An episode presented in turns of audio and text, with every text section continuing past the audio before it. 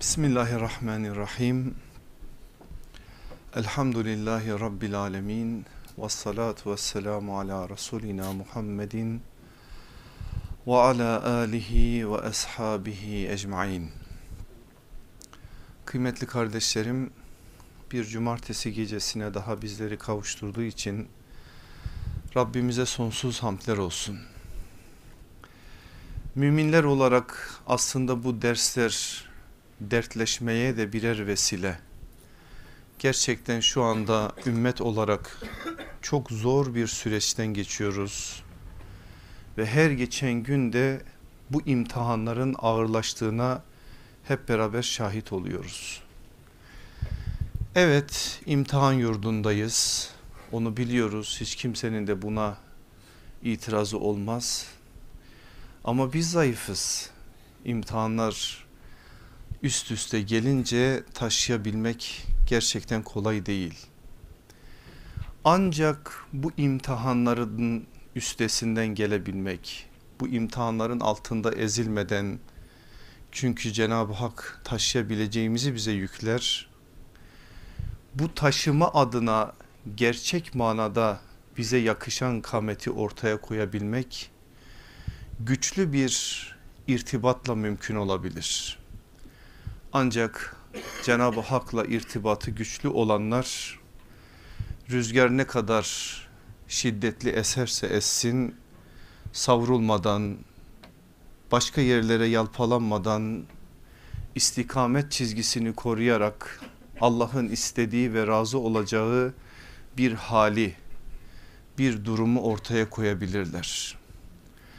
Dolayısıyla rüzgarın şiddeti bizi ümitsizliğe sevk etmemeli. Bilakis bizi Allah'a yaklaştırmalı. Ne kadar rüzgar şiddetli eserse essin, imtihanlar üst üste gelirse gelsin, aynen sahabenin dünyasında olan o ufuk gibi bizlerde de olumlu bir karşılık vererek Rabbimize bizi yaklaştıracak vesileler olması adına bir adım olsun. Onun için gelin biz her zaman bu manada bazı şeyleri ortaya koyma adına bir ızdırapla inleyelim. Cenab-ı Hak'la olan bu irtibatımızı artık kimin kendi imanının derecesine göre ne kadar irtibatı varsa o irtibatları güçlendirme adına vesileleri daha da zorlayalım. Zorlayalım ki bu hayat bir şekilde bitecek. Varıp Rabbimizin huzurunda hesap için durduğumuzda söyleyeceğimiz en azından birkaç sözümüz ya da başımızı kaldırabilecek bir durumumuz ya da Cenab-ı Hakk'ın rahmetinin bize ineceği, bize tenezzül buyuracağı bir kametimiz olsun. Cenab-ı Hak hepimize böyle bir duruş, böyle güçlü bir irtibat, böyle güçlü bir ihsan şuuru nasip eylesin. Aziz kardeşlerim çok ciddi bir biçimde ihtiyaç duyduğumuz bir meseleyi konuşuyoruz.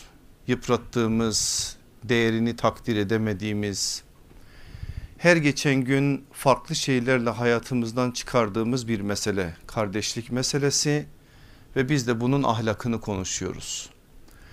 Asıl dersimize geçmeden şuralarda bulunuşumuzun ne anlama geldiğine dair o güzel iklimden size güzel bir söz hem bir müjde hem de sorumluluk adına bazı şeylerimize ayar vermek bazı şeylerimize bir yönüyle el uzatmak bazı şeylerin daha farklı bir biçimde kıymetini bilmek adına nebevi bir hakikati sizlerle paylaşmak istiyorum. Tercümanul Kur'an olan ümmetin ilim okyanusu olan Abdullah İbni Abbas radıyallahu anhuma bize naklediyor. Diyor ki aleyhissalatü vesselam Efendimiz bize bir gün bir şeyler anlattı. Sözün bir yerinde de şöyle bir şey söyledi bize. Sizler benden benim sözlerimi dinliyorsunuz. Bir müddet sonra başkaları da sizden dinleyecekler. Daha sonra da sizden dinlemiş olanlar başkalarına dinletecekler. Bu böyle sürüp gidecek. Çok güzel bizim dünyamıza da aslında hitap eden bir hakikate bir nebevi hakikate dikkat çekildi burada. Sözü tekrar etmek istiyorum.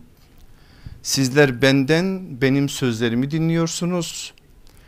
Bir müddet sonra başkaları da sizden dinleyecekler. İşte onlar en hayırlı ikinci nesil olan tabiindir. Daha sonra sizden dinlemiş olanlar başkalarına dinletecekler. O da en hayırlı üçüncü nesil olan etbai tabiindir. Ama orada da kalmayacak diyor sallallahu aleyhi ve sellem. Bu böylece sürüp gidecek. Ebu Davud'un Kitabul İlim babının on numaralı hadisi. Birkaç farklı açıdan yaklaşılabilir bu nebevi hakikate. Ben sadece iki noktaya dikkatlerinizi çekmek istiyorum. Burada bulunuşumuz ne demek onu daha iyi anlamak için. Birincisi sahabi efendilerimizle alakalı. Allah Resulü aleyhissalatü vesselam benden dinlediklerinizi başkalarına iletmek sizlerin sorumluluğudur dedi. Aslında kilit nesil olan, köprü nesil olan, İslam'ın anahtar kuşağı olan, gerçekten de dinin intikal ve muhafazasında önemli bir misyonu görevi yerine getirmiş olan sahabe neslinin ne demek olduğunu birçok nebevi beyandan öğrendiğimiz üzere buradan da öğreniyoruz. İkincisi direkt bizimle alakalı bir mesaj. En son halkada olsa bile benim sözlerimi dinleyen beni dinlemiş gibi olur. Çünkü sahabe aşağıya onlar bir aşağıya onlar bir aşağıya bize kadar ulaşan bir zincirden bahsediyoruz. Onun için bazı hadis imamlarımız ki İmam Tirmizi onlardan bir tanesidir. Her kim evinde bu kitabı okursa peygamber benim evimde konuştu derse o sözünde bir hilaf yok der. Çünkü konuşan peygamberdir sallallahu aleyhi ve sellem. Biz de peygamberi konuşturuyoruz. Peygamberimizden dünyamıza bir şeyler almaya çalışıyoruz. O konuşsun biz susalım diyoruz. O bizim dünyamıza bir şeyler söylesin biz işittik ve itaat ettik diyelim diyoruz. O söylesin ve sorumluluk adına bize neler yükleyecekse bazen acıtsa da hakikat acıtır çünkü zordur hakikati anlamak kavramak ve hayata taşımak bazen acıtsa bile lebbeyk ve sadek deyip gereği neyse onu yerine getirme adına bir adım atmak. İnşallah hepimiz bu maksatla buradayızdır. Bazen konuşan ben olsam da benim kırık dökük kelimelerimi bir tarafa itin. Allah'ın kitabından ne söyleniyorsa peygamber sallallahu aleyhi ve sellem efendimizin o mübarek lisanından ne aktarılıyorsa onun mübarek ellerinde yetişen sahabe-i kiram efendilerimizden ne aktarılıyorsa o iklimi çok iyi anlayan ve o iklime sırtını dayanarak konuşan bizim başımızın tacı olan imamlarımızdan, alimlerimizden, selefi salihinliğimizden ne aktarılıyorsa onu alın gerisini ise burada bırakın onları benim malım olarak siz bana iade edin. Ama benim size emanet olarak bıraktığım ve emanet olarak vermeye çalıştığım o hakikatleri de ne olur alın ve bırakmayın sadece buralarda. Sadece meclislerin süslü lafları olmasın hayata intikal etsin ki o özlediğimiz ümmet bilincine o vahdete o temiz topluma yani İslam toplumuna gidişimiz için ufak da olsun bir katkısı olsun. Rabbim bundan bizleri geri koymasın. Bugünkü serlevhamız müminler bir beden iki el gibidirler. Hemen anlamış olmanız lazım. Aslında hadise dayanan bir serlevha. Aşağı yukarı bütün derslerimizde de biz bunu yapmaya çalışıyoruz.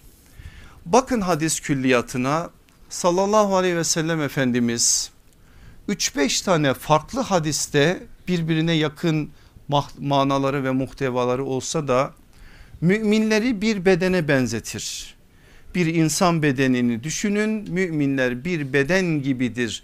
Bir bedenin parçaları uzuvları organlarıdır gibi der ve çeşitli izahlarda bulunur.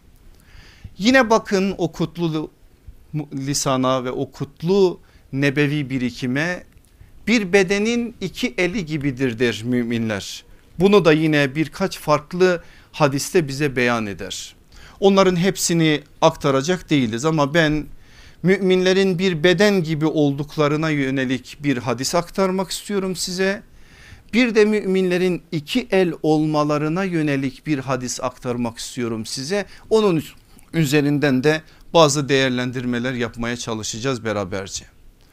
İlk aktaracağım hadisi bize kendisi nübüvvet mektebinin küçük bir talebesi olup ama sonraki süreçte çok büyük işler yapmış olan büyük işlerin altında imzası olan Numan bin Beşir'den aktaracağım.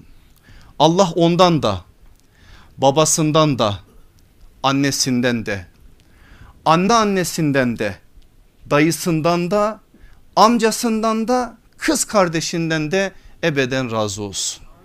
Bunları söylemem size ne, neyi hatırlattı bilmem.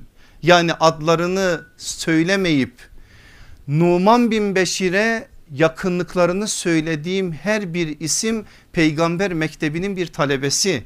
Böyle birinden bahsetmiş oluyoruz aslında Numan bin Beşir'den bahsedince. Babası kim onun? Beşir bin Sa'd. Akabe'de sallallahu aleyhi ve selleme el veren Bedir'in Uhud'un ashabından olan o büyük insan. Onlarca hatırası var Efendimiz aleyhissalatü vesselamla hepsi bir tarafa tarih onu hiçbir zaman unutmaz. Beni Saide sakifesinde Hazreti Ebu Bekir'in hilafeti için söylediği o sözler üzerinden.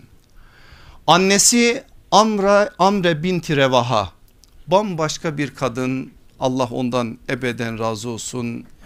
Asr-ı saadetin güzel annelerinden bir tanesi yetiştirdiği çocuk ortada fazla söze gerek yok. Efendimiz aleyhissalatü vesselamla yaşadıkları onlarca hatırayı okuruz bugün kaynaklarımızda. Anneannesi Kepşe binti Vakit aynen annesi gibidir. Zaten o silsileyi şöyle yakından bir tanıdığınız zaman bu sözleri daha iyi anlarsınız. Dayısı kim peki? Abdullah İbni Revaha söze gerek var mı? Peygamber şairi o büyük hatip peygamber mektebinde yetişip Mute'ye uzanan bir çizgi ve Mute'de şehadet ile biten bir hayatın sahibi ki her adımında bambaşka mesajları olan birisi. Amcası Simak İbni Sa'd Ensardan ve aynen babası gibi Bedir'in ve Uhud'un gazilerinden kız kardeşi de aynen annesi gibi Ümeyme binti Beşir asr saadetin gerçekten tanınması gereken bir hanım hanımlarından. Allah hepsinden ebeden razı olsun. Numan bin Beşir'in başta Bukhari ve Müslim olmak üzere onlarca hadis kitabında bize aktarılan bir hadisini aktaracağım. Dedim ya bu içerikte başka hadisler de var ama ben özellikle bunları seçtim. Bakın ne diyor aleyhissalatü vesselam Efendimiz Efendimiz aleyhissalatü vesselam bize söylemiş gibi alalım ki asıl almamız gereken mesajı öylece almış olalım. Diyor ki Efendimiz müminler birbirlerini sevmekte birbirlerine acımakta ve birbirlerini korumakta bir vücuda benzerler. Vücudun bir uzvu hasta olduğu zaman diğer uzuvlar da bu sebeple uykusuzluğa ve ateşli hastalığa tutulurlar. Bu aktardığım hadis Bukhari'nin edep babının 27 numaralı hadisi Müslim'in bir babının 66 numaralı hadisi. Gayet açık başka söze gerek yok ama yine de biz biraz zihinlerimizde oturtalım mesajı ki daha iyi anlaşılsın. Çeşitli vesilelerle size bazı kavramlar verdim dersler boyunca. Şimdi verdiğim kavramları da başka sebeplerle başka hadiseler için de vermiştim. Ama burada kardeşlik meselesi için o kadar güzel oturuyor ki o kavramları yeniden tekrar etmek istiyorum size. Beş tane mim beş tane mühim kavram hadisin de bize kardeşlik hukuku açısından söylediği kavramlar. Yine siz ben bunları söylerken aklınıza bir önceki derste söylediğim kardeşlik ahlakında neler olmalı neler olmamalı kavramları da hatırladığınız zaman birbirleriyle örtüşen mesajları zihninizde çağrıştıracaksınız. Nedir o beş tane mühim mim? Marifet, muhabbet, merhamet, muvazenet, mükellefiyet. Kardeşlik dediğiniz şey zaten bunların üzerine bina ediliyor. Biz bunu hadisin bize verdiği mesaj çerçevesinde kardeşlik üzerine anladığımız zaman marifet bize nedir? Marifet bilmek değildir. Marifet tanımaktır. Marifet anlamaktır. Marifet kavramaktır. Bugünün bu şartları çerçevesinde meseleye baktığınız zaman Mecburuz bunları konuşmaya ara ara kendimizi sorguya çekeceğiz bu konuda. Müslümanlar olarak kardeşlik meselesinin sadece bizde biraz malumat olarak kaldığını ötesine taşınamadığını marifet ufkuna varamadığını hepimiz söyleyebiliriz. Bilmeyenimiz var mı müminler kardeştir ilahi fermanlı hepimiz biliyoruz. Peki birbirini yemeyen mümin var mı? Demek ki bir problem var o marifet ufku bizde istenilen oranda anlaşılmadığı için kavranmadığı için bu hadis çerçevesinden de biz bir kez daha kardeşlik meselesinde de marifet meselesini yeniden anlamak zorundayız. İkincisi muhabbet. Kardeşliğin en temel meselesi, en temel azığı muhabbet olmazsa eğer kardeşlik olmuyor. Biz birbirimizi sevmek zorundayız. Kolay mı peki bu? Vallahi kolay değil. Billahi kolay değil. Biz bazen teoriyle realiteyi dikkate almadan konuştuğumuz için neyi konuştuğumuzun farkında değiliz. Kolay mı Allah aşkına? İki tane aynı anadan ve aynı babadan olan kardeşler birbirlerini sevemiyorlar. Biz bugün 1 milyar 700 milyon Müslümandan bahsediyoruz ve bunların sevilme meselesinin iman meselesi olduğunu konuşuyoruz. Ama yine de birbirimizi sevemiyoruz. Şimdi ufacık bir şey olsa şurada herkes bilinçli insanlar elhamdülillah yıllardır biz asr-ı saadetten birçok şey okumuş belli seviye almış insanlarız. Ama biraz böyle bizim hassasiyetimize dokunan bir şeyler olsa şurada bile kavga çıkabilir. Şurada bile insanlar birbirlerine birbirlerine yan gözle bakabilirler. Böyle bir ızdırabımız var. Biz realiteyi dikkate almadan konuşmamızın hiçbir anlamı yok. Peki biz bu muhabbet meselesini nasıl anlamalıyız? Evet 1 milyar 700 milyon Müslüman eğer aynı kitaba iman ediyorsa eğer peygamber olarak Muhammed sallallahu aleyhi ve sellemi tasdik ediyorsa eğer diğer iman esaslarına gerçekten inanıyorsa kardeştirler birbirlerini sevmek zorundadırlar. Bu zorundadırlar ifadesinin altını çizelim. Bu öyle her hemen olabilecek bir şey değil. Kendisini ona zorlamalıdır bir Müslüman. Diyelim ki bir Müslümanın bir Müslümanla problemi var ve onu sevemiyor. Sevmediği Müslüman için ille de onu sevmediğini ilan etme sorumluluğu diye bir şey var mı? Sevmezsin yolunu değiştirirsin mesafeni iyice ayarlarsın bu manada bazı şeylere dikkat edersin dilini de tutarsın kalbine bazen zorlarsın bazı şeyleri bu manada kendini muhabbete mecbur bırakırsın en azından muhabbet dışında bazı şeyleri konuşmazsın dolayısıyla biz kardeşlerimizi sevme meselesini hamasetten eğer öze taşırsak ancak anlayabileceğimiz bir meseledir. Yoksa müminler kardeştir birbirimizi sevmek zorundayız bunları söyleriz buralarda bırakırız ama hayatın içerisine taşınacak bir noktaya gelmez. Üçüncüsü merhamet kardeşlik hukukunun olmazsa olmaz kavramlarından biri. Müminler birbirlerine merhamet etmek zorundadırlar müminler kafirlere karşı şiddetlidir. Birbirlerine karşı merhametlidir. Ama ayet böyle söylemesine rağmen tam tersidir bizde. İster kabul edin ister etmeyin. Şu anda bizim kafire bir şiddetimiz yok. Kafirle bizim bir problemimiz de yok. Biz birbirimizi yiyoruz. Birbirimizle uğraşıyoruz bugün ümmet olarak. Birbirimizin yakasında ellerimiz. Öyle olduğu için kafire şiddet adına bir şeyleri yansıtamıyoruz. O müminin izzeti kafire yansımıyor. Biz izzeti birbirimize göstermeye çalışıyoruz. Böyle olunca da işte İslam ümmetinden bahsedemiyoruz.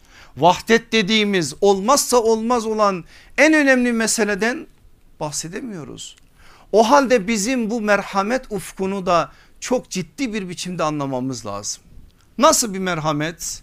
Doğru anlayanlar şöyle olmuşlar bir zamanlar. Başkası günah işlemiş akşam evinde o günah işleyen için gözyaşı dökülmüş. Bir zamanlar böyleymiş İslam ümmeti. Bir zamanlar mümin kardeşlerinin günahına ağlayan adamlar varmış bizim içimizde. Böyle bir merhamet ufku olduğu için ana gibi bir merhamet baba gibi değil. Baba biraz menfaatçidir kusura bakmayın ben de babayım bilirim ama anne öyledir. Evladı ne kadar kusur işlerse işlesin ne kadar kötülük yaparsa yapsın anne evladını evlatlıktan atamaz. Çok birkaç tane arızi ve istisnai durum varsa o ayrı bir mesele. Ama babanın hassasiyetine dokunduğu zaman evladım değilsin deyip silip atabilir. Merhamet meselesinde her birimiz birer anne gibi olmak zorundayız birbirlerimize. Kardeşlik bunu gerektirir. Şimdi evlat anneye karşı hakaret etse anneye karşı ahlaki sınırları zorlasa ki böyle bahtsızlar var Allah onlara da izan versin o çok acayip bir şey Allah o duruma kimseyi düşürmesin ne yaparsa yapsın var mı anne o manada o evladın ortaya koyduğu o sıkıntılara karşı aynı dilde aynı formda aynı şekilde karşılık vermesi çok azdır.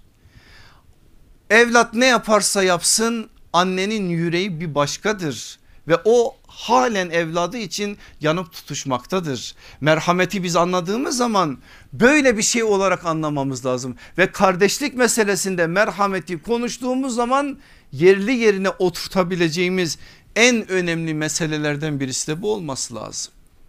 Dördüncüsü muvazenet. O ney? İtidal. O ney? Denge. Olmazsa olmaz bir şey kardeşlik meselesinde de var. Bakın bugün insani ilişkiler noktasında en ciddi problemi yaşadığımız yer mesafe problemidir.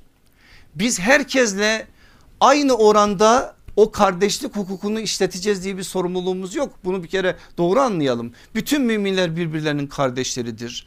Ama herkesle aynı yolu yürüyemezsiniz. Bazı müminler hem kardeş hem yoldaştır size. Bazı müminler hem kardeş hem yoldaş hem de sırdaştır size. Aynen sahabe içerisinde sallallahu aleyhi ve sellemin bu manada konumlandırdığı ve konuşlandırdığı gibi biz de aynısını yapabiliriz. Bütün müminlere karşı sorumluluğumuz ayrı. Hem yoldaş hem kardeş olduklarımıza karşı sorumluluklarımız ayrıdır. İlişkiler ne kadar katmerlenir ve fazlalaşırsa o manada hukuk da onun üzerine bina edilir. Ama burada asıl olan mesele muvazenedir, dengedir. Olmazsa olmaz esas olarak karşımızda durmaktadır. Beşincisi mükellefiyet. Sorumluluklarımız var.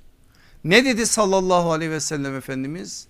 Bir beden, bir beden düşünün müminler de aynen öyledir.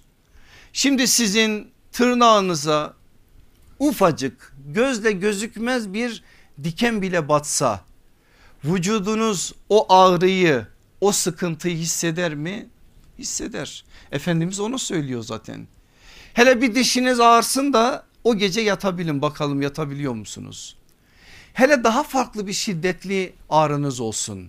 Allah korusun daha büyük bir hastalık olsun. Bugün ümmetin hastalıkları böyle. Kanser olmuş vücudun bir yerleri. Bırakın diken batmayı vücudun bir yerleri kanser olmuş.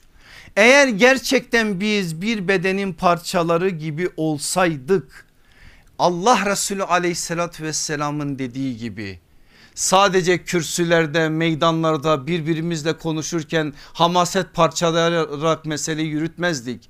Ötesinde bir şey yapardık ve gerçekten bu işi kendimize dert edinirdik.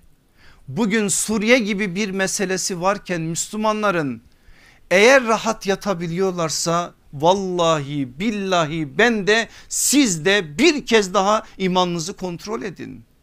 Eğer bugün Kudüs işgal altındaysa ve biz bunu yüreğimizde derin bir acı haline getirmemişsek kalkarken otururken şakalaşırken gezerken düğünde bayramda seyranda her ne olursa olsun bir dert olarak bunu konuşmuyorsak burada bir bedenin parçaları gibidir hadisini nebevi hakikatini anlamamışız. Demek ki mükellefiyet meselesi yok. O kardeşlik meselesinde yok. Olmadığı için zaten böyleyiz. Eğer olsaydı halimiz bambaşka olurdu. Şimdi buraya kadar söylediklerimi birinci hadis çerçevesinde heybelerinize alın. Çok şey söylenir ama vakit kifayet etmiyor hızlandıracağız mecburen.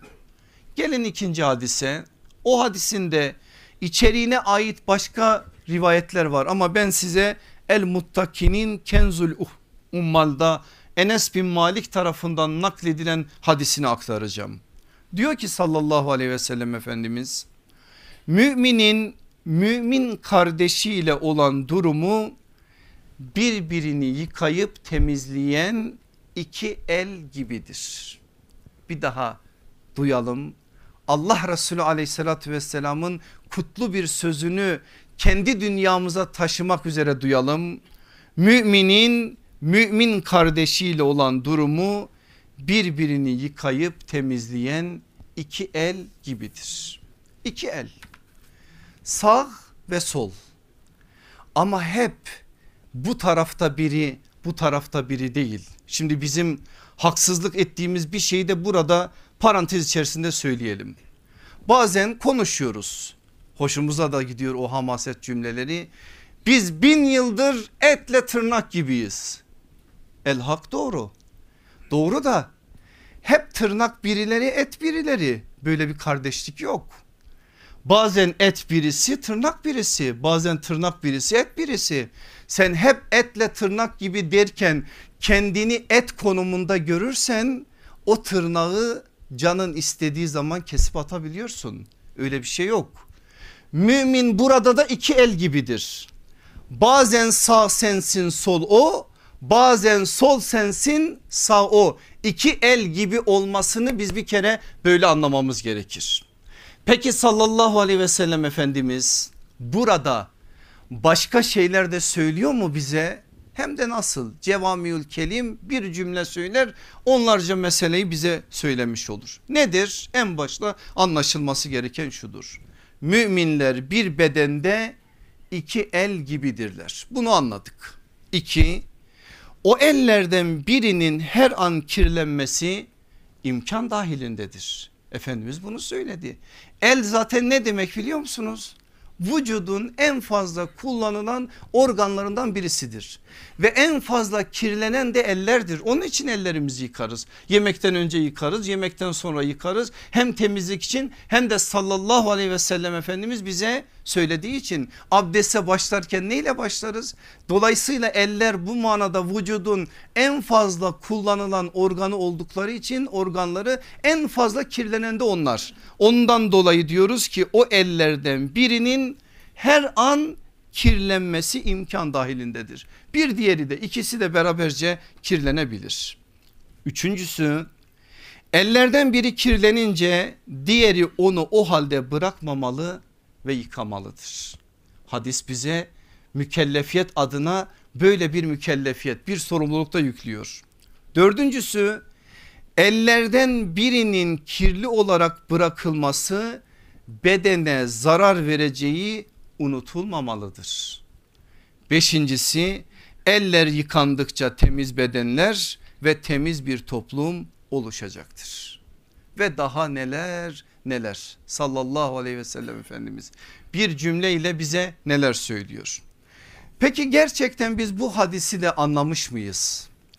Bu manada biz ümmet olarak ve İslam toplumu olarak bir İslam cemaati olarak bu hadisin bize yüklediği mükellefiyetle ne kadar biz sorumluluk adına bazı şeyleri üzerimize almışız da yapmışız. Yine moraliniz bozulacak benim söylediğim bu sözle ama ben ne yapayım? Eğer yıkasaydık birbirimizi halimiz böyle olur muydu? Yıkamıyoruz biz birbirimizi. Bir neme lazımcılıktır almış sarmış bizi. Kim bize bulaştırdıysa o mantığı bilmiyorum ama o mantık şu anda bizim hepimizin etrafını sarmış. Bana dokunmayan yılan bin yıl yaşasın mantığı.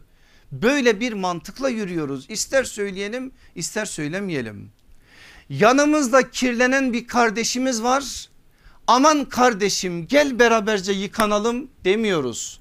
Çünkü o kardeşimizle bizim ceple mide arasında bir bağımız var. Kırarsak eğer bağlar zayıflayacak bazı şeyler kopacak o halde bırakalım öyle kalsın mantığıyla yürüyoruz. Bazen korkudan bazen menfaatten bazen takdir hissine kapılarak takdire ait bazı şeyleri alamamaktan bazen başka şeylerden artık siz biliyorsunuz onları siz çeşitlendirin ama bir şekliyle birbirimizi yıkamaktan geri duruyoruz.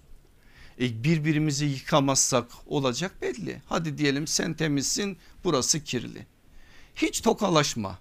Şu kirli elin dokunduğu yerlere dokunarak sen hasta olursun zaten. Diyelim ki tokalaşmadın mesafeni ayarladın tokalaşmadın. Bu el kirliyse eğer bu bir yerlere dokunacak. Sen onun dokunduğu yere dokunduğun zaman kirleneceksin. Böyle olduğu için bugün İslam ümmeti İslam toplumu bakın temiz bir toplum olamıyor. Ama bir zamanlar sallallahu aleyhi ve sellem Efendimiz büyük bir inkılapla iki el olarak gördü bütün İslam cemaatini ne varsa yanlışlık adına kir adına yıkmayı değil yıkamayı öncelleyerek yıkayarak o asrı saadet dediğimiz temiz toplumu oluşturdu. Vallahi billahi yapacağımız bu başka bir şey değil ve hadisin bize söylediği de bu. Ama hadis başka bir şey de söylüyor. Mümin kirlenir diyor. Kirlenirse eğer kesip atma diyor o eli seni kesip atsalardı şimdiye kadar sende bende bir hal kalır mıydı? Şu yaşımıza kadar ne hatalar yaptık ne cevizler kırdık. Va var mıyız bunun ciddi bir biçimde muhasebesini yapmaya? Eğer bizim hatalarımızın yüzünden başka müminler bizim üstümüzü çizselerdi biz de bitmiştik. Öyleyse eğer senin de benim de başka bir mümini çizmeye hakkım yok. Ha ne zaman çizerim? eğer o kangren olur artık İslam ümmetine zarar vermeye başlar. Vücudun diğer azalarına karşı farklı bir biçimde zararı dokunur taşıma kes at onu. Onun en güzel şeyi kesip atmaktır. Kangren olan bir uzvu taşımanın bir anlamı yok. Vücudun tamamına yayarsın onu. Ama böyle değilse ufacık bir hata yapmış. Ne olmuş bir gün seninle konuşunca biraz sesini yükseltmiş.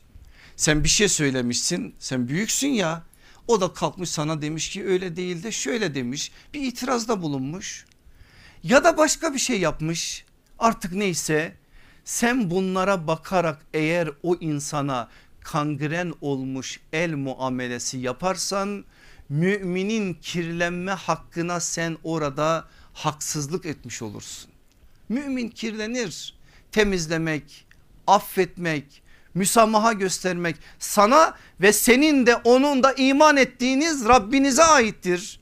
Rabbimiz bize böyle bir kapıyı açmışsa müminler bu manada birbirlerine müsamahalı davranmayacaklarsa yarın biz neyin üzerinden hesap vereceğiz Allah aşkına? Dolayısıyla burada aleyhissalatü vesselam efendimizin iki el olarak bizi görüp bu manada birbirlerimizi emanet ederek yıkmayı değil yıkamayı öncelleyerek bir şey yürünmesini tavsiye etmesi hiçbir zaman aklımızdan çıkmamalı. Şimdi benim aziz kardeşlerim biraz örnek verelim anlayalım iyice saadet asrı bize bu manada bazı tabloları söylemiş olsun. Geçen ders bir cümle söyledim bilmem kimin aklında kaldı. Sahabenin kardeşliğinde bölme, bölüşme, bütünleşme var. Bir daha tekrar ediyorum bizim hayatımızda olmadığı için olsun diye tekrar ediyorum. Bölme, bölüşme, bütünleşme var. Muhacir ensar kardeşliği dediğimiz o Kur'an'ın kaç tane ayetle övdüğü o kardeşliğin altında bu var. Bu olduğu için zaten öyle bir toplum oluşuyor. Şimdi o toplum Allah Resulü aleyhissalatü vesselamın çeşitli beyanlarıyla oluşmuş. Efendimiz onlara bir model ortaya koymuş. Kendisi de bazı şeyleri uygulanmış. Sahabeyi de bu konuda eğitmiş ve belli bir seviyeye getirmiş. O eğitimin nasıl olduğuna dair geçen ders birkaç şey söyledim de geçen ders söylemediğim bir şeyi söylemek istiyorum. Ebu Hureyre radıyallahu anh bize naklediyor.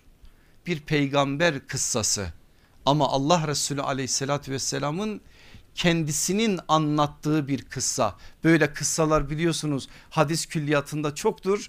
Aleyhissalatü vesselam Efendimiz kendinden önceki ümmetlere ait bazen bazı kıssalar anlatır ve onların üzerinden mesajlar verir bize. Bukhari'de, Müslim'de yine onlarca hadis kitabında geçen bir kıssa. Diyor ki aleyhissalatü vesselam Efendimiz tam filmlik bir kıssa. Keşke bir yiğit çıksa da içinizden bunun bir filmini yapsa da mahrum olan yüreklere başka bir biçimde de bu mesaj taşınmış olsa. Sizden önceki ümmetler içerisinde iki adam vardı. Bunlardan biri diğerine bir arazi satmıştı. Araziyi alan adam arazinin içerisinde gezerken bir küp buldu. Açtı küpü ne görsün ağzına kadar altın dolu. Sevindi ama kendisi için sevinmedi. Kardeşi için sevindi. Küpü aldığı gibi kendisine araziyi satan kardeşinin huzuruna geldi. Bir varmış bir yokmuş değil. Kale Resulullah sallallahu aleyhi ve sellem. Geldi dedi ki kardeşim araziyi gezerken bir küp dolusu altın buldum. Bu küp senin hakkın al dedi. O arsayı satan diğer şahıs dedi ki hayır dedi ben sana sattım. Benim artık orayla bir bağım yok. Dolayısıyla arazi senin hakkın. O senin hakkın dedi o senin hakkın dedi küp ortada kaldı. Sahabi aldı alacağını şimdi ben bu hadisi ilk okurken sizin düşündüğünüzü düşünüyorum. Altınlara ne oldu? Ama sahabi onu düşünmüyor. Sahabi o anda bu iki insan üzerinden sallallahu aleyhi ve sellem efendimizin verdiği mesajı düşünüyor. İşte orada oradan çıktıktan sonra bölme bölüşme bütünleşme adına asrı saadette bir şeyler oluşuyor. Biz kafamız aklımız zihnimiz altınlarda olduğu için olmuyor bizde. Ama inşallah olsun diye zaten konuşuyoruz. Efendimiz aleyhissalatü vesselam da bildiği için konuşacak onların devamını da söyleyecek.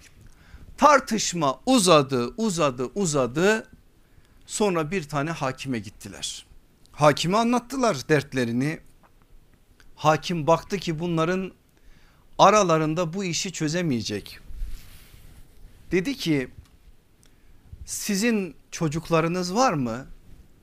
Araziyi satan dedi ki benim bir oğlum var. Arazi alanda dedi ki benim bir kızım var.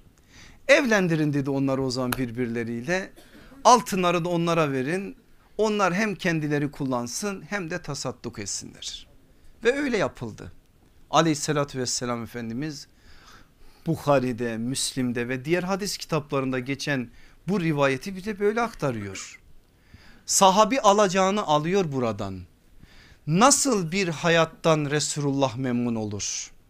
Resulullah'ın memnuniyeti Allah'ın rızasıdır. Allah'ın razı olmasının yolunu öğrenme adına peygamberin dünyasına onun için kitlenmiştir o sevda insanları. Oraya bakıyorlar oradan aldıklarıyla hayatlarına yön veriyorlar. İnşallah bu kıssa bizim hayatımıza da bir yön versin ve bazı mesajların taşınması adına katkı sağlasın. Ahnef İbni Kays isimli tabiinin büyük isimlerinden biri var. Bu ismi çok duymuşsunuzdur bu kürsüden. İslamiyet döneminde doğuyor. Yani istese daha doğrusu nasip olsa sahabi olacak ama olamıyor. Allah Resulü aleyhissalatü vesselam vefat ettikten sonra biraz zor bir kabilenin mensubudur Temim oğullarından. Sonra gelip iman ediyor. Hazreti Ömer döneminde de adeta bir Halit gibi İslam'ın büyük kahramanlarından birisi oluyor. Sonradan peygamber mektebinin talebelerinden o mektebe ait bazı hakikatleri öğrenmiş birisi olarak bakın kardeşliği bize nasıl tarif ediyor. İyi kardeş kardeşi dostluğuna ihtiyacı olduğunda yanında olur. Yalnız kalmak istediğinde yanında kalmakta ısrar etmez. Kitabın ortasından bir insan konuşunca işte böyle güzel konuşur. İyi kardeş kardeşi dostluğuna ihtiyacı olduğunda yanında olur.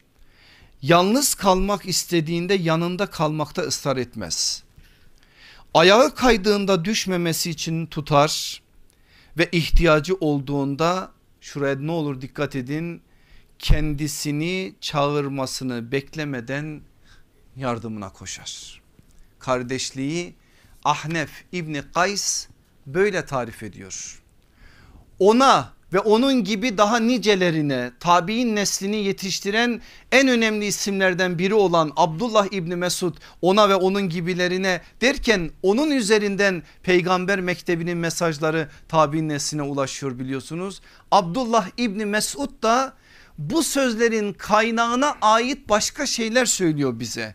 Bakın ne diyor?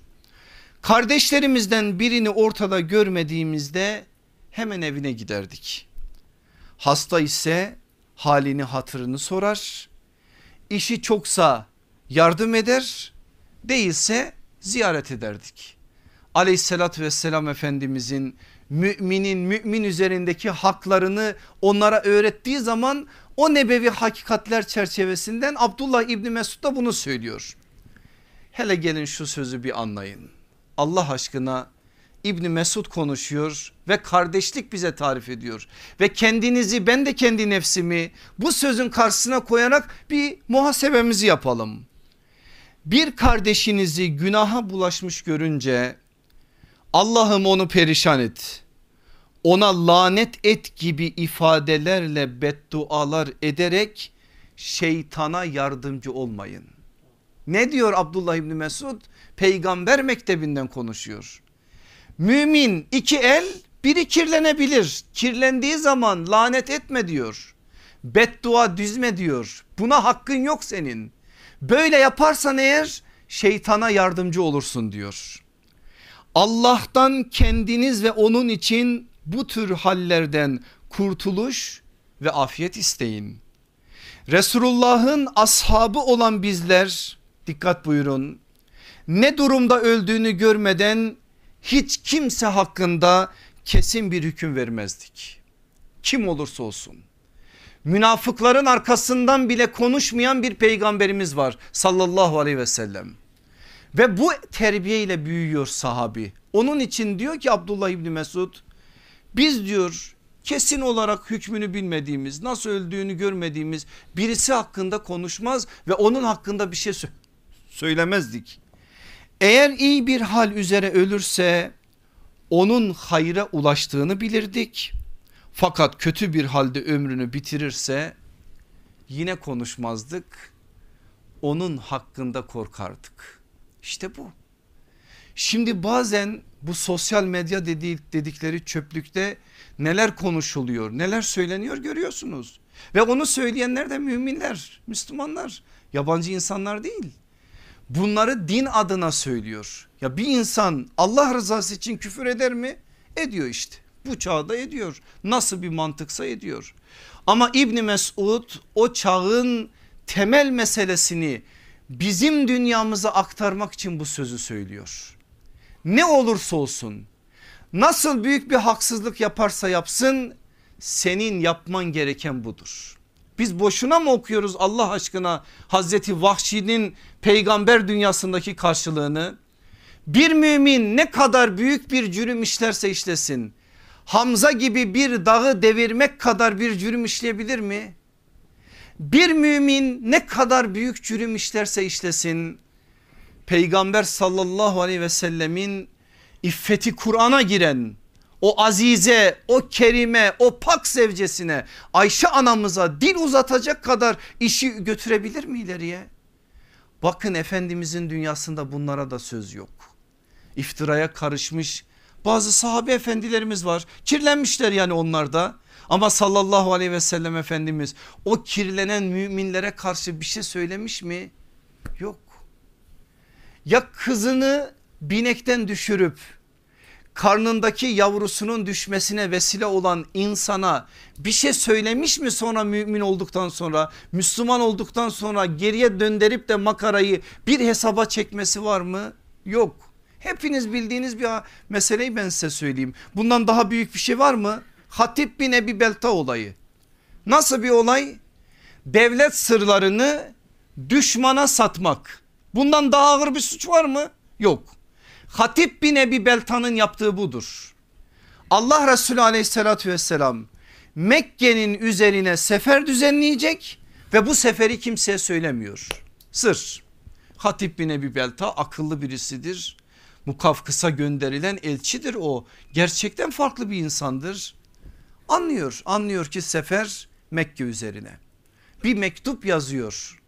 Ebu Leheb'e affedersiniz Ebu Cehil'e ve bazı Mekke'nin ileri gelenlerine Ebu Leheb'in hizmetlisi olan cariye bir kadın var ismi Sare o kadına veriyor ve o mektubu karşı tarafa gönderiyor. Cenab-ı Hak da o mektubu Cebrail aracılığıyla Efendimiz'e bildiriyor. Allah Resulü aleyhissalatü vesselam da Hazreti Ali'yi çağırıyor. Ali'nin çağrılması da ayrı bir hikmettir. Falanca yerde bir kadın üzerinde bir mektup al gel gidiyor kadını arıyor mektup yok. Niye Ali sorusunun cevabı burada. Eğer Resulullah mektup var dediyse vardır. Arıyor arıyor en sonda kadının saçlarının örgülerinin içerisinde mektubu yakalıyor. Alıp getiriyor mektup okunuyor ki Hatip bin Ebi Belta Mekke'nin ileri gelenlerine sefer hazırlığına ait bir bilgiyi vermiş. Yani bugün bir vatanın sırrını başka birine vermiş. Bundan daha büyük bir suç yok.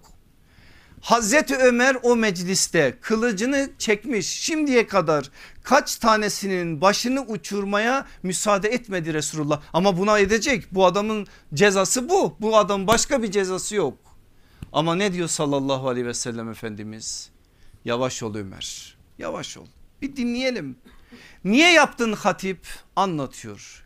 Vallahi ya Resulallah amacım ne Medine'nin sırlarını bir yerlere vermek ne de başka bir şey. Tek bir şey vardı. Herkesin aileleri güçlü aileler onlar geldiler gelemeyenlerin orada sahipleri var. Benim ailem ise orada kaldı ben onları getiremedim. Şimdi bir sefer olursa onlar ilk olarak işe orada bulunan Müslümanların yakınlarıyla başlayacaklar. Ve başlayacakları zaman da sıra ilk önce bizim ailelerimize gelecek çünkü bizi koruyacak kimse yok. Ben sadece eman olsun aileme bir yönüyle kılıç kalkmasın diye bunu yaptım. Allah Resulü aleyhissalatü vesselam kirlenen o eli temizleme adına bir şey söylüyor. Ey Ömer kılıcını yerine koy hatip Allah ve Resulünü seviyor. Onun yaptığı bu hata bir ihanet değil başka bir şeyden dolayı değil o böyle bir hata yapmış hataya hatayla karşılık yok ve o hatip bin Ebi Belta öyle birisi oluyor ki ondan sonra hayatını bir bütün olarak okuduğunuz zaman hayran olabileceğiniz bir hayatın sahibi olarak onu okursunuz. Bundan daha büyük var mı? Yok. E ne oldu? Sen arkadaşların bir mecliste oturdunuz. Tartıştınız bir şey söyledi o başka bir şey söyledi. İkinci gün bir daha birbirlerinizle konuşmamak üzere oradan ayrıldınız. Yetmedi bir de başladınız aleyhlerinize iftiralar dizmeye. Yetmedi daha neler neler birbirlerinizi birbirlerini bir başkalarının yanında haklı çıkarmak için ne kurgular ne mizansel şeyler ürettiniz. Bakın Hatip bin Ebi Belta'nın bu örneği ortada duruyorken başka şeyler yapmaya ya da konuşmaya hakkımız yok. Allah aşkına size başka bir şey anlatacağım. Ben okuduğum zaman inanın zorlanıyorum. Muhakkak siz de zorlanacaksınız. İsmini söyleyeyim mi söylemeyeyim mi diye kendimde şimdi getirip götürüyorum söylemeyeyim. Tebuk'a katılan bir sahabi. Daha ötesi var mı? Tebuk'a katılmış. Zorluk seferinin içerisinden birisi. Dönüş yolunda bir yerde konaklıyorlar. Allah Resulü aleyhissalatü vesselam ashabın bazılarıyla oturuyor sohbet ediyor. O sahabi efendimiz o da sahabi efendimizdir ve başımızın tacıdır. Bakıyor ki herkes bir işte heybesinin içerisinde sakladığı affedersiniz içkisini çıkarıyor. Uzaklaşıyor Müslümanlardan gidiyor orada içiyor. İçiyor içiyor sarhoş olana kadar içiyor. Biraz sonra kalkmış ayağı sallana sallana sarhoş kafa dumanlı peygamberimize ve o cemaate doğru yürüyor. Allah Resulü aleyhissalatü vesselam arızayı fark ediyor. Kim diyor bu? Falanca diyorlar. İsim söylemeyeyim ama isim var kaynaklarda. Falanca diyorlar. Ne olmuş ona? Ya Resulallah böyle böyle. Hicretin 9. yılı dikkat buyurun 5 senedir içki yasaklanmış. Ne diyor sallallahu aleyhi ve sellem Allah aşkına ne diyor? Açın İbni Hacer'in El isabesini İbnül Esir'in Ustul Gabesini oradan okuyun ne dediğini. Gidin biri onun elinden tutsun. Konakladığı yere kadar götürsün ki yolda bir yerlere düşmesin. Onu oraya yatırana kadar da başında dursun. O rivayetlerde biz bilmiyoruz hat uygulanıp uygulanmadığını ama bunu biliyoruz. Elinden tutulmuş onun. O o halde bırakılmamış. Sahabe gadaplanmasına rağmen bir şeyler söyleyecek sahabi efendilerimiz ama Allah Resulü aleyhissalatü vesselam bir şeyler söylenmesine asla müsaade etmemiş. Bunlar boşuna söylenmiyor boşuna aktarılmamış bize. Daha ötesi var mı Allah aşkına? Peygamberin huzurunda bu yapılıyor. Allah Resulü aleyhissalatü vesselam ise buna karşı tavrı bu oluyor. Eğer böyleyse bizim şöyle bir yüreğimiz olmalı Müslümanlara karşı. Başka çaremiz yok. İmanın hatırına diyeceksiniz. Dert çekeceksiniz. Müslüman adam dert çeken adamdır. Müslüman adam başkalarının hakaretine sinesinde saklayan adamdır. Eğer gerçekten biz imanı anlamış olsaydık böyledir. Ama yok biz başka yerde görüyoruz kendimizi. Herkes önümüzde el pençe divan dursun. Herkes bize güzel şeyler söylesin. Herkes bize başını sallasın. O cennette o yok burada. Allah Resulü aleyhissalatü vesselam bile öyle bir şey görmedi. Vallahi görmedi billahi görmedi. Çekilmedi mi cübbesi sırtından şu mübarek ensesinde iz kalacak kadar. Ve çeken adam adaleti hayatıyla dirilten bir insana adil ol ey Muhammed diyor. Resulullah da değil adil ol diyor. Allah Resulü aleyhissalatü vesselam dönüyor o şahsa ben adil olmazsam kim olacak diyor. Söz bu başka bir şey yok. Neler neler söyleriz bu konuda. İmanın hatırına bu manada eğer biz bazı şeyleri sinemize çekmezsek biz kardeşlik meselesinin inanın sadece edebiyatını yapacağız. Konuşacağız, söyleyeceğiz, söyleyeceğiz ama hayatımıza bu manada bir şeyler intikal etmeyecek. İntikal etsin diye konuşuyoruz. Sahabi efendilerimiz Allah hepsinden ebeden razı olsun. Belli bir zümrede yaşadılar. Çöl insanıydılar. Birçoğu nezaketi bilmiyordu. Peygamber mektebinde öğrendiler. Mecliste nasıl oturulur bilmiyorlar nasıl konuşulur bilmiyorlar. Efendimiz aleyhissalatü vesselam bir anne gibi onları adeta yetiştirdi. Adeta eksiklerini gidere gidere gidere belli bir seviyeye doğru çıkardı. E zoruna da gidiyordu bazen Efendimizin zoruna gidiyordu mesela bazen bazılarının yaptığı zoruna gidiyordu ama dert çeker alıyordu sinesine varıyordu evine fokur fokur kaynıyordu böyle sahabe bize öyle bir tablo anlatır bazen Allah Resulü aleyhissalatü vesselam bir tencerenin içerisinde su kaynatır gibi fokur fokur kaynadığını görürdük. İnsanlığın derdi var yüreğinde fokur fokur kaynıyor ama kimseye bu manada bir şey söylemiyor. Gelin şu tabloyu bir beraberce anlayalım. Mekke müşrikleri şöyle bir şey söylüyorlar. Biz geleceğiz. Evet dinleyeceğiz Muhammed'i dar Resulullah demiyor o bahtsız adamlar. Ama biz gelip de Süheyb'le beraber aynı mecliste mi oturacağız? Ammar'la beraber aynı mecliste oturacağız öyle bir şey yok. Muhammed'e söyleyin yanındaki adamları uzaklaştırsın yanındaki adamlar da belli. İşi gücü olanlar çok oturmuyorlar. Biraz böyle rahat olanlar Ammar gibi, Habbab gibi, Süheyb gibi onlar Resulullah'ın yanında çok oturuyor Mekke döneminde. Bunları bir uzaklaştırsın biz gelip dinleyelim. Hazreti Ömer içinden geçiriyor diyor ki acaba söylesem mi bu taleplerini Resulullah'a söylüyor. Aleyhissalatü vesselam Efendimiz de acaba tebliğe bir yönüyle vesile olur mu diye içinden geçiriyor. Acaba bunları bir müddet yanımda uzaklaştırsam onlar gelip beni dinlerler mi? Ayet iniyor. En'am suresinin 52. ayeti. Rablerinin rızasını isteyerek sabah akşam ona yalvaranları yanından uzaklaştırma. Bu ne biliyor musunuz? Bu şu ben öyle anlıyorum. Eğer yanlış anlıyorsam beni düzeltin. Yola çıktıklarınla yolda buldukların aynı değil. Yolda bulduklarını yola çıktıklarınla değiştirme. Ey Muhammed sallallahu aleyhi ve sellem onun şahsında aslında söylenen sözler bunlar. Sakın bunu yapma. Eğer bunu yaparsan bak ne olacak? Rabbin ne söyleyecek sana? Onların kim onlar?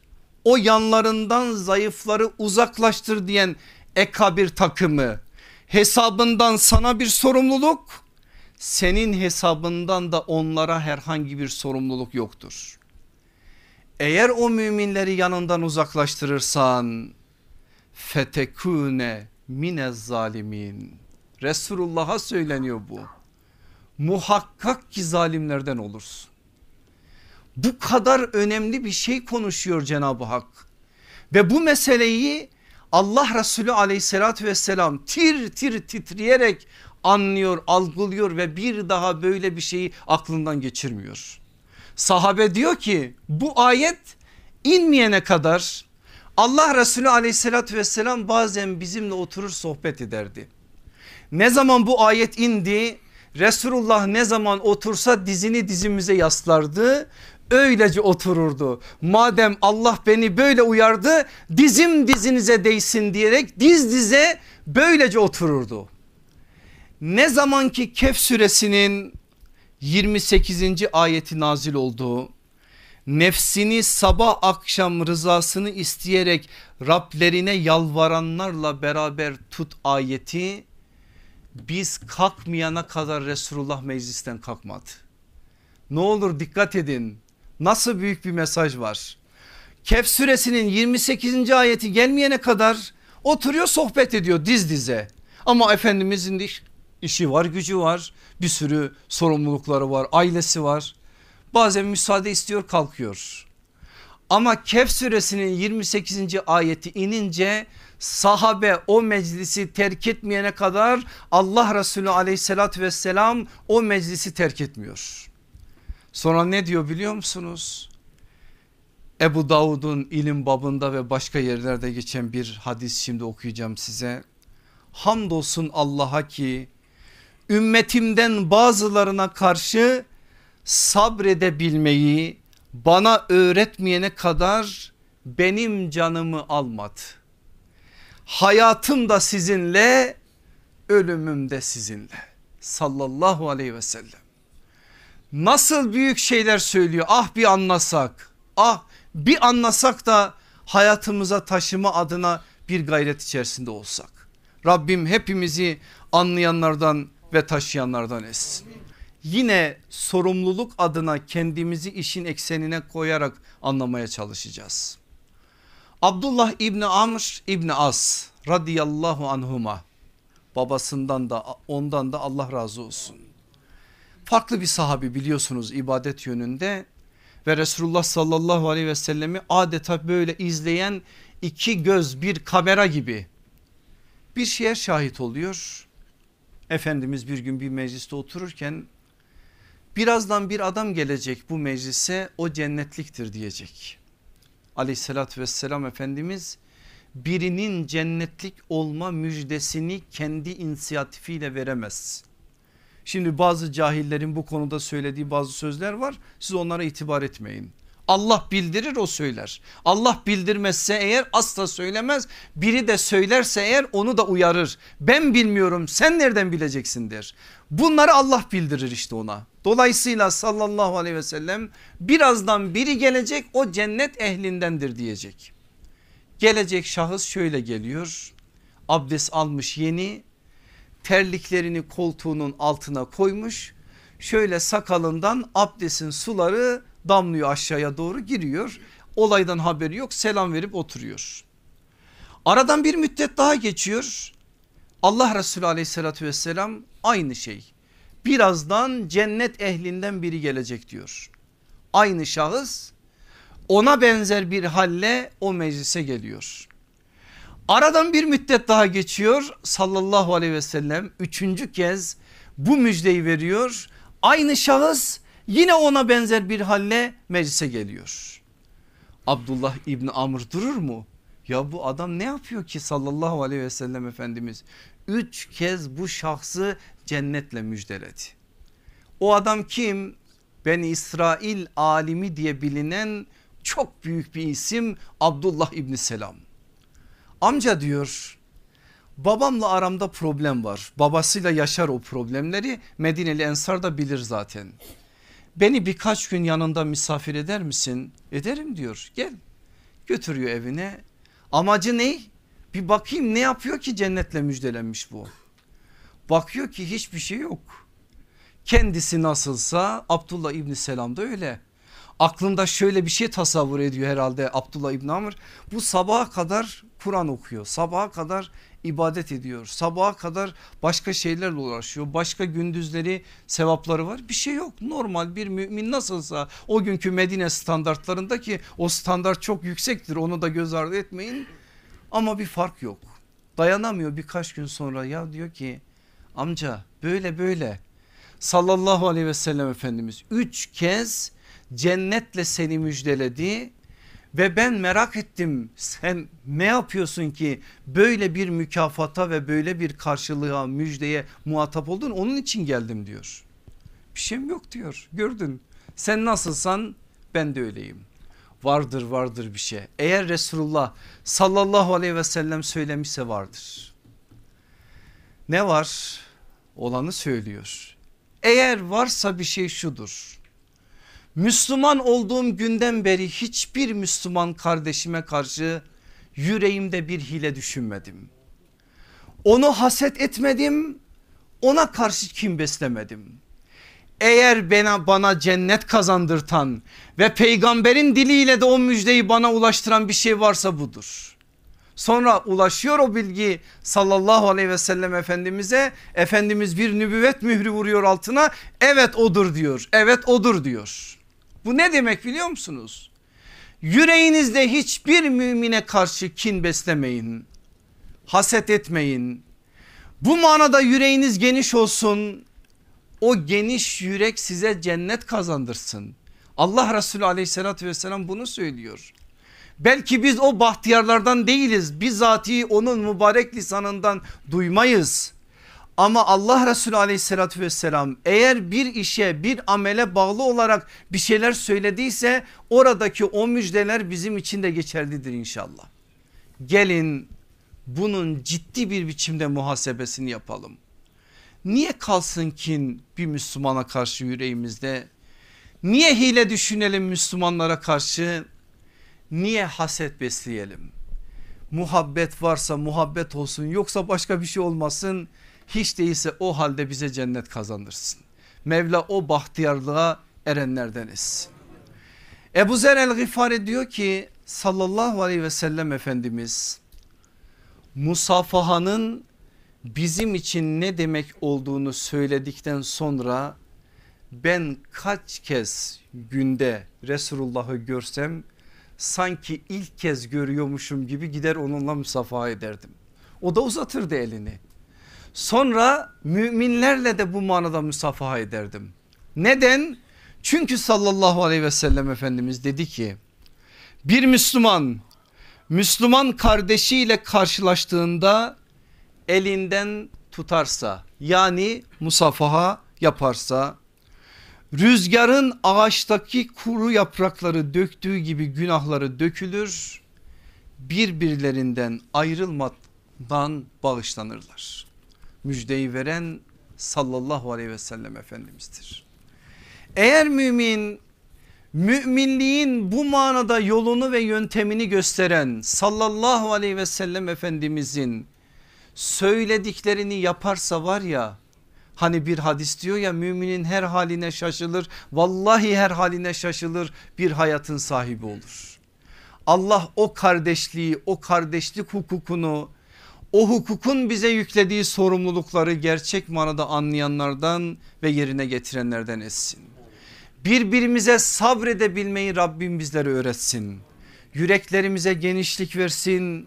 İmanın hatırına, imanın aşkına deyip ne görürsek görelim yüreğimizde bu manada farklı bir biçimde yankı oluşturabileceğimiz bir imanın ve sorumluluk şuurunun sahibi bizleri kılsın. Velhamdülillahi Rabbil Alemin. El Fatiha.